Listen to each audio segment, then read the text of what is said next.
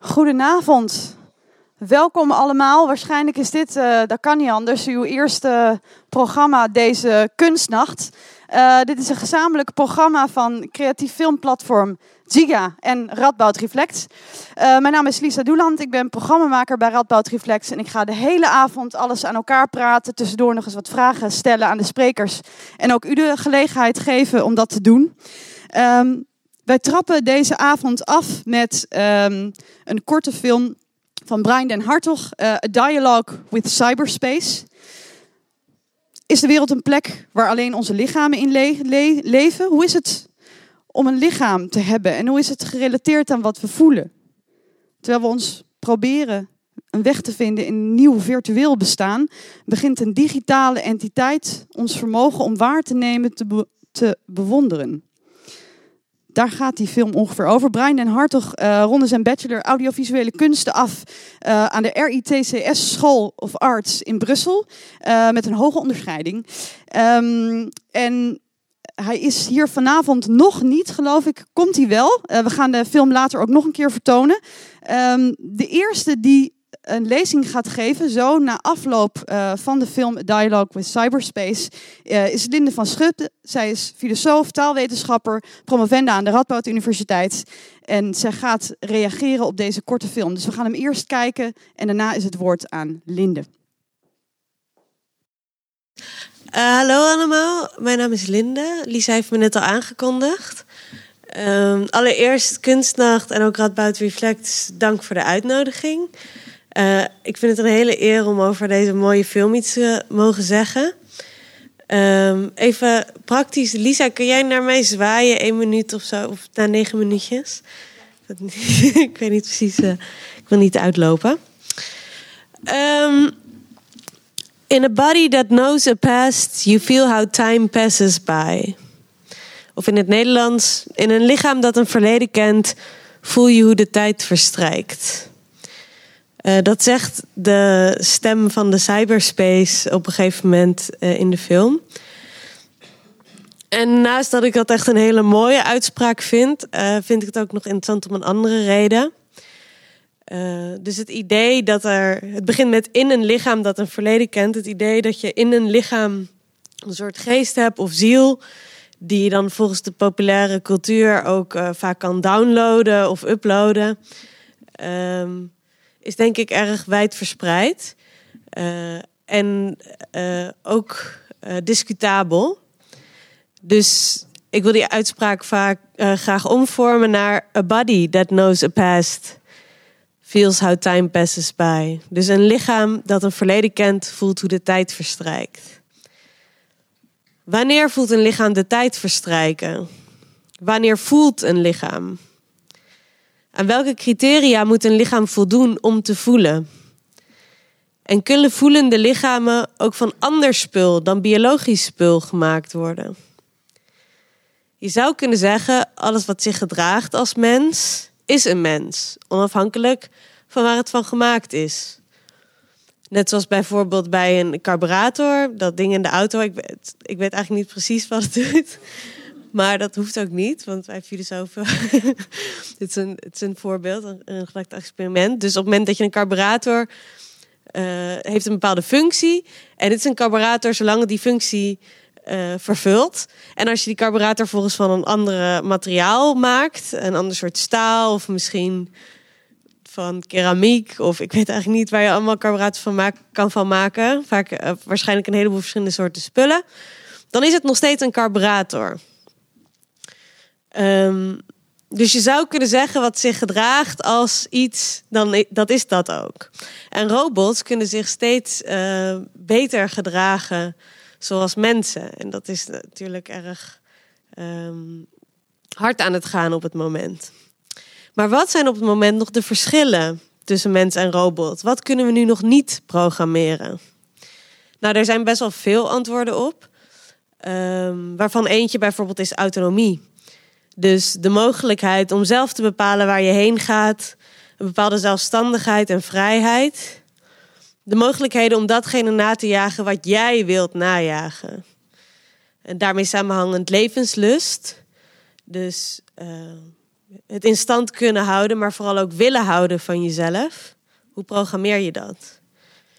Flexibiliteit, het constant wisselen tussen verschillende taken en doelen, afgaande op waar de omgeving om vraagt.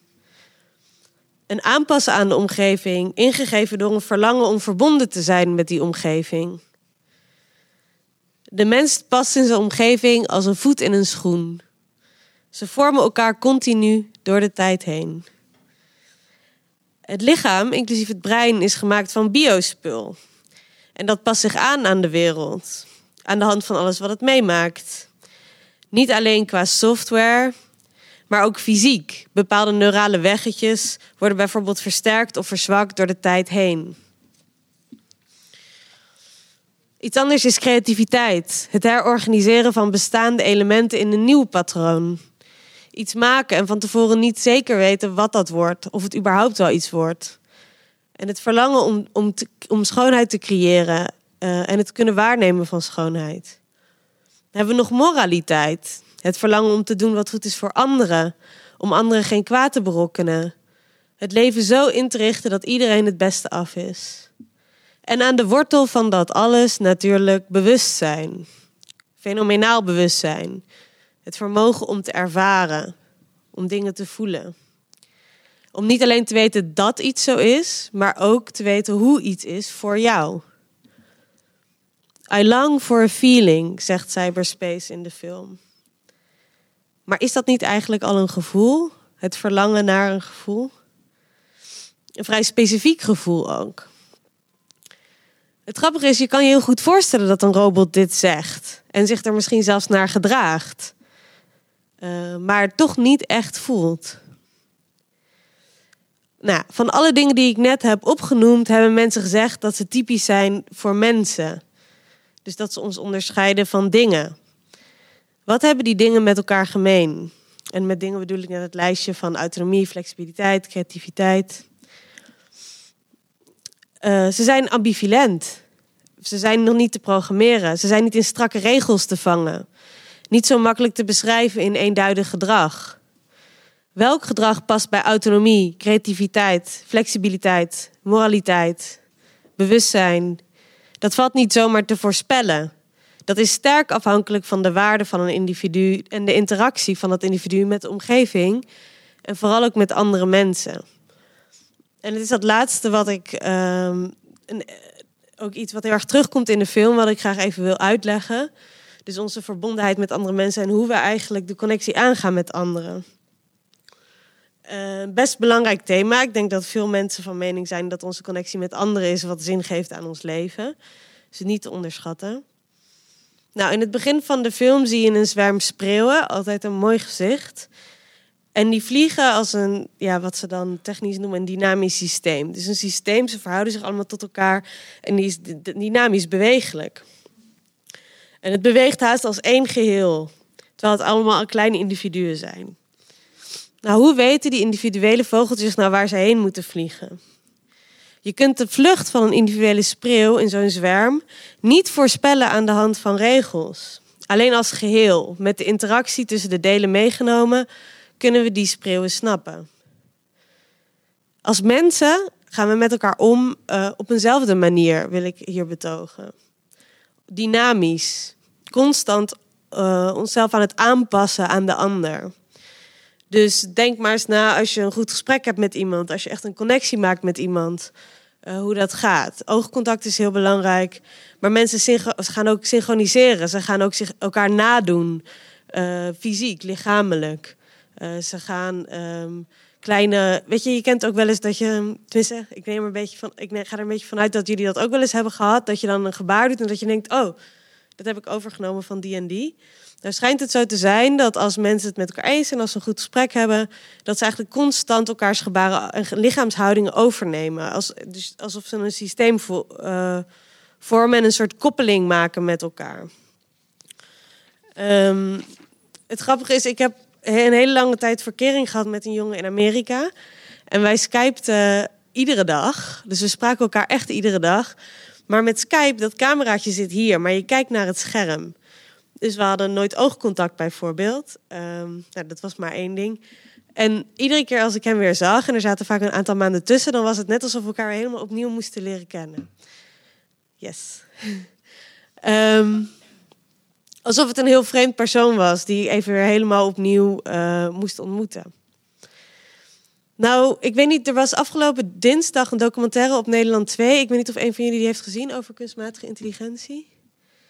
Nee, dat hoeft ook helemaal niet. Aan het einde van die documentaire wil de documentairemaker kijken of de kunstmatige intelligentie misschien ook een uh, documentaire interview met hem kan doen. Ze hebben dat hele ding enorm zitten programmeren en er zit een camera aan vast. Um, en dan helemaal aan het einde, heel hoopvol, gaat die maker in gesprek met die artificiële intelligentie. En de vragen zijn op zich goed, maar die artificiële intelligentie die onderbreekt hem de hele tijd. Uh, omdat hij dan even adem haalt om een nieuwe zin te beginnen. En uh, op een gegeven moment stelt hij ook een hele persoonlijke vraag. En die, die documentairemaker is een beetje van slag. En dan komt er meteen een hele lompe andere vraag overheen. Dit zijn dingen die fout gaan op het moment dat je niet die dynamische koppeling hebt met elkaar. Dat je niet een lichamelijke connectie hebt naast misschien een talige of eentje die je expliciet maakt um, door bewuste reflectie. Uh, mensen en robots zijn elkaars lichaam nog niet gewend. Um, die koppeling in mensen die is primair lichamelijk en automatisch aan de hand van beweging en oogcontact. Uh, zonder regelgeleid nadenken. Dus zoals twee slingerklokken die na verloop van tijd gelijk gaan lopen. En het belang van het lichaam zie je ook terug bijvoorbeeld in de film Her. Heeft iemand die wel gezien? Maar eentje? Handen. Dit is een film over ook een artificiële intelligentie. En die gaat een verhouding aan, een liefdesverhouding met een man. En zij bestaat eigenlijk alleen uit, uh, uit een stem. En zij zegt op een gegeven moment: I thought, why do I love you? And then I felt everything in me just let go of everything I was holding on to so tightly. And it hit me that I don't have an intellectual reason. I don't need one. I trust myself. I trust my feelings. Um, oh, dit is helemaal aan elkaar. dat is het belangrijkste stukje ook. en elke keer als het ging over interactie en liefde en emotie in die film, leek Samantha, de, de AI-stem, te verwijzen naar een, specifieke geur of een specifieke aanraking. Eigenlijk allemaal lichamelijke sensaties. Kunnen we ons eigenlijk voorstellen dat we een gevoel hebben zonder dat we dat in ons lichaam voelen? Een emotie. Je voelt dat ergens in je lichaam vaak. Um, ik heb dat altijd erg specifiek. Ik kan me niet voorstellen hoe het zou zijn om een emotie te hebben zonder lichamelijke um, reacties. Nou, is het nou reden voor biochauvinisme? Dus het vooroordeel dat biologische wezens altijd meer zullen kunnen en ook waardevoller zijn dan wezens van een ander minder flexibel materiaal?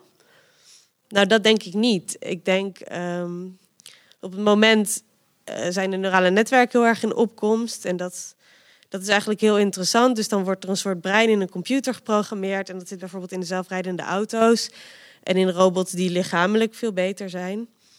En langzaam beginnen we het brein als inspiratie voor kunstmatige intelligentie te zien in plaats van andersom. Het brein wordt nu minder gezien als computer, de toekomst van de computer meer als brein. En nou denk ik dat van brein we nog een stapje verder moeten naar lichaam. Um, maar het gaat nu al veel beter. Die neurale netwerken zijn al veel meer gericht op hun omgeving en veel flexibeler. Maar als we ook robots willen met empathie, met moraliteit, met wie we ons echt kunnen verbinden, is het denk ik nodig dat we elkaars lichamen leren kennen. En dat we ophouden te denken dat een mind of geest uh, lichaamsloos rond kan zweven. Dankjewel.